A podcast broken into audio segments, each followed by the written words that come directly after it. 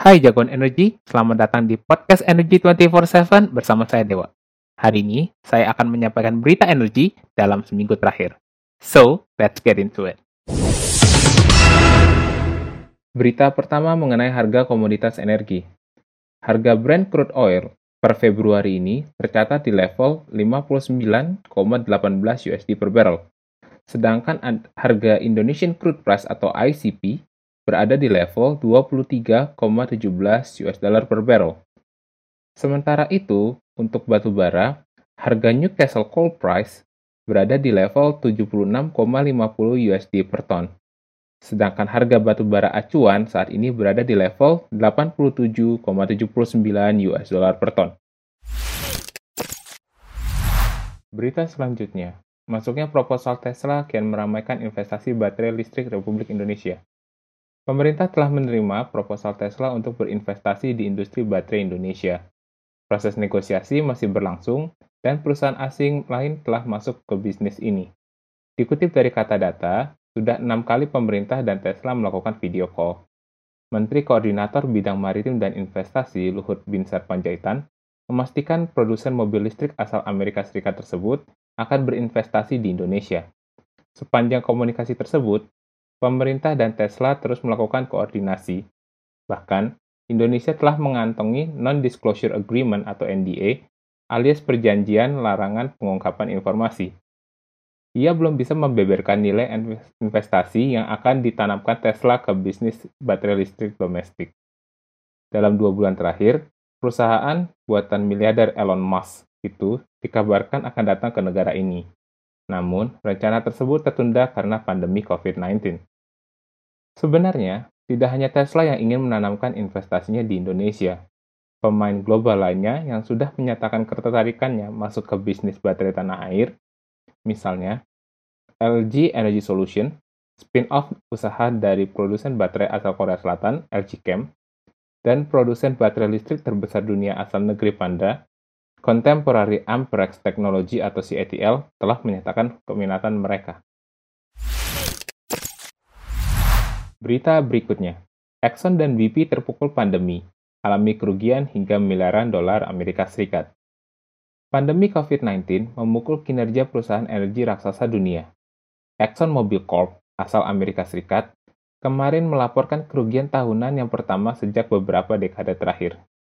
Kerugiannya mencapai 22,4 miliar US dollar atau sekitar 313,8 triliun rupiah pada tahun 2020. Pemicu utamanya adalah produksi minyak yang turun karena konsumsi bahan bakar melemah di tengah pandemi COVID-19.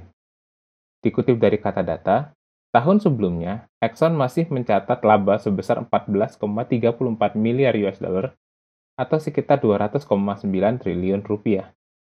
Kompetitornya, yaitu BP, juga mencatat kerugian, tapi berkomitmen untuk melakukan transisi ke energi baru terbarukan angka kerugiannya mencapai 5,7 miliar US dollar atau sekitar 80 triliun rupiah pada tahun sebelumnya. Kondisi rugi ini merupakan yang pertama kalinya dalam satu dekade terakhir. Perusahaan energi asal Inggris tersebut memperingatkan kondisi sulit masih akan terjadi pada awal 2021. Pembatasan gerak atau lockdown yang meluas secara global akan membuat konsumsi minyak tetap lemah. Berita berikutnya, Luhut sebut kerjasama smelter Freeport dan Singhan segera rampung. Pembangunan pabrik pemurnian atau smelter tembaga PT Freeport Indonesia di kawasan industri Weda Bay, Halmahera, Maluku Utara, mulai menemukan titik terang. Freeport dipastikan menggandeng perusahaan asal Tiongkok Singhan Steel dalam proyek ini. Dikutip dari kata data, Menteri Koordinator Bidang Maritim dan Investasi Luhut Binsar Panjaitan menyebut kedua perusahaan akan membuat pabrik pemurnian tembaga menjadi kobat dan asam sulfat. Rencananya, produsen baterai listrik terbesar dunia asal negeri Panda, yakni Contemporary Amperex Technology atau CATL, juga akan ikut bergabung.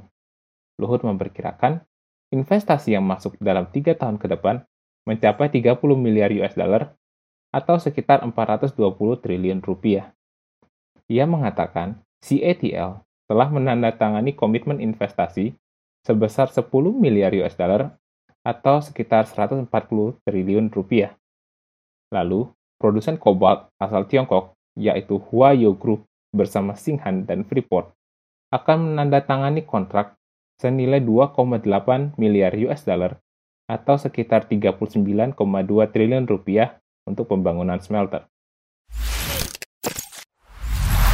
Berita terakhir, RUPTL tak kunjung rampung. ESDM beri tenggat ke PLN. Rencana Usaha Penyediaan Tenaga Listrik atau RUPTL periode 2021-2030 hingga kini tak kunjung rampung. Padahal, Kementerian Energi dan Sumber Daya Mineral atau KSDM sebelumnya menargetkan dapat selesai pada akhir Januari lalu. Direktur Pembinaan Program Ketenaga Listrikan Jisman Hutajulu mengatakan telah melakukan evaluasi dan mengembalikan draft rencana usaha itu ke PLN untuk diperbaiki. Tenggatnya, hingga sampai pertengahan Februari, lalu tahap evaluasi, serta masuk substansi. Sebelumnya, Direktur Jenderal Ketenaga Listrikan Rida Mulyana mengatakan penyusunan RUPTL masih berlangsung. Pemerintah tetap berkomitmen pada perjanjian Paris untuk target bauran energi sebesar 23% di 2025. Demikian Energy 24/7 dalam minggu ini. Jangan lupa untuk follow sosial media kita dan subscribe akun YouTube kita untuk mengetahui kegiatan terbaru dari Purnomo Iskentora Center. Sampai di sini dulu and see you next week.